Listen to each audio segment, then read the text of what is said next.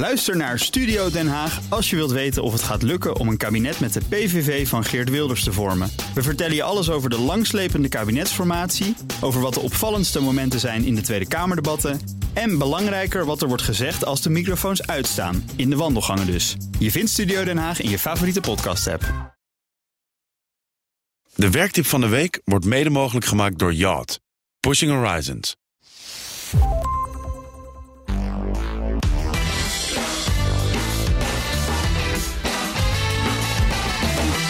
Ja, dat is het weer maandag en is Ben Tichelaar bij ons rond die tijdstip.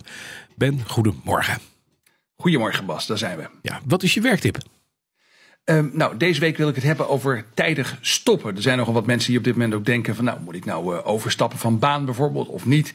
En tijdig stoppen, dat is nogal een probleem. Uh, mensen vinden het moeilijk om op tijd ergens de stekker uit te trekken. Of dat nou je baan is of een project of een investering.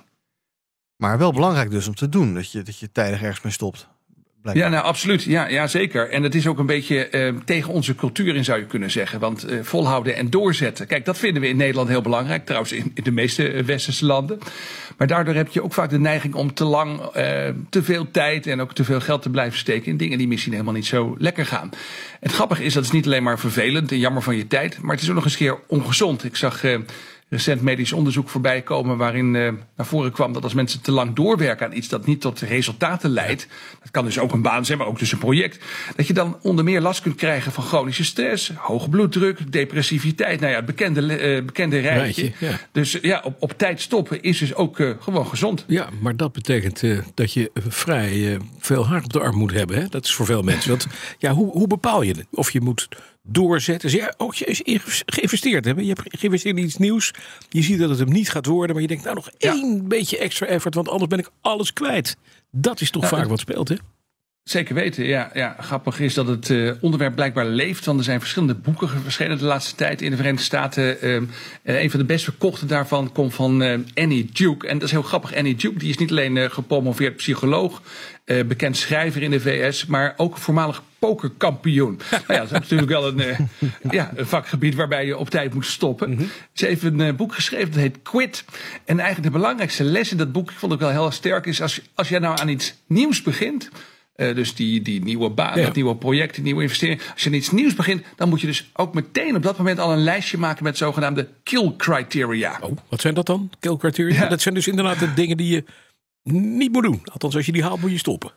Ja, precies. Het zijn de signalen die jou vertellen dat het tijd is om te stoppen. Dat moet je dus direct in het begin al opstellen. Nou, hoe, doe je dat? Um, je moet eigenlijk je levendig voorstellen dat je nieuwe baan of dat project of die investering dat het mislukt. Dus je moet je dat even ja, in een brainstorm, misschien ook samen met andere mensen voorstellen. Hoe ziet dat er dan uit? En je vraagt je dan af, wat zijn dan de kenmerken van dat mislukken? Dus wat zie je dan? Uh, welke financiële indicatoren heb je op dat moment, uh, raak je op dat moment? Uh, wat zeggen andere mensen? Of wat gebeurt er bijvoorbeeld in de wereld om je heen? Wat een duidelijk signaal is. Nou, die signalen die zet je op je lijstje. Dat zijn dus je kill criteria. Ja. En je moet ze ook in je agenda zetten. Want je moet niet alleen maar een state hebben, maar ook een date, zegt uh, okay. Annie Duke. you need a state en een date. Mooi. Een lijstje met kill criteria dus in je agenda. En dan weet je zeker dat, maar dan moet je er wel aan houden. Dan moet je er wel aan houden. Ja, maar het grappige is wel, uh, dat vind ik ook wel, aardig. Ze, ze stelt wel heel duidelijk, ja, weet je, mensen, mensen kijken toch vaak naar het verleden, willen nog ja. lang doorgaan met iets. Maar elke dag die je eerder stopt met iets dat niet werkt, die kun je weer besteden aan iets dat wel de moeite waard is. Nou, dat vond ik wel een, uh, een mooi om mee af te sluiten. Duidelijk. Dankjewel, Ben Tegelaar. Ben's podcast kun je beluisteren op uh, bnr.nl via je favoriete podcast app. Elke woensdag is er een nieuwe aflevering van de Ben Tegelaar podcast. De werktip van de week wordt mede mogelijk gemaakt door Yacht. Pushing Horizons. Ook Harm Edens vind je in de BNR-app. Je kunt BNR Duurzaam niet alleen live luisteren in de app, maar ook terugluisteren als podcast, zoals al onze podcasts.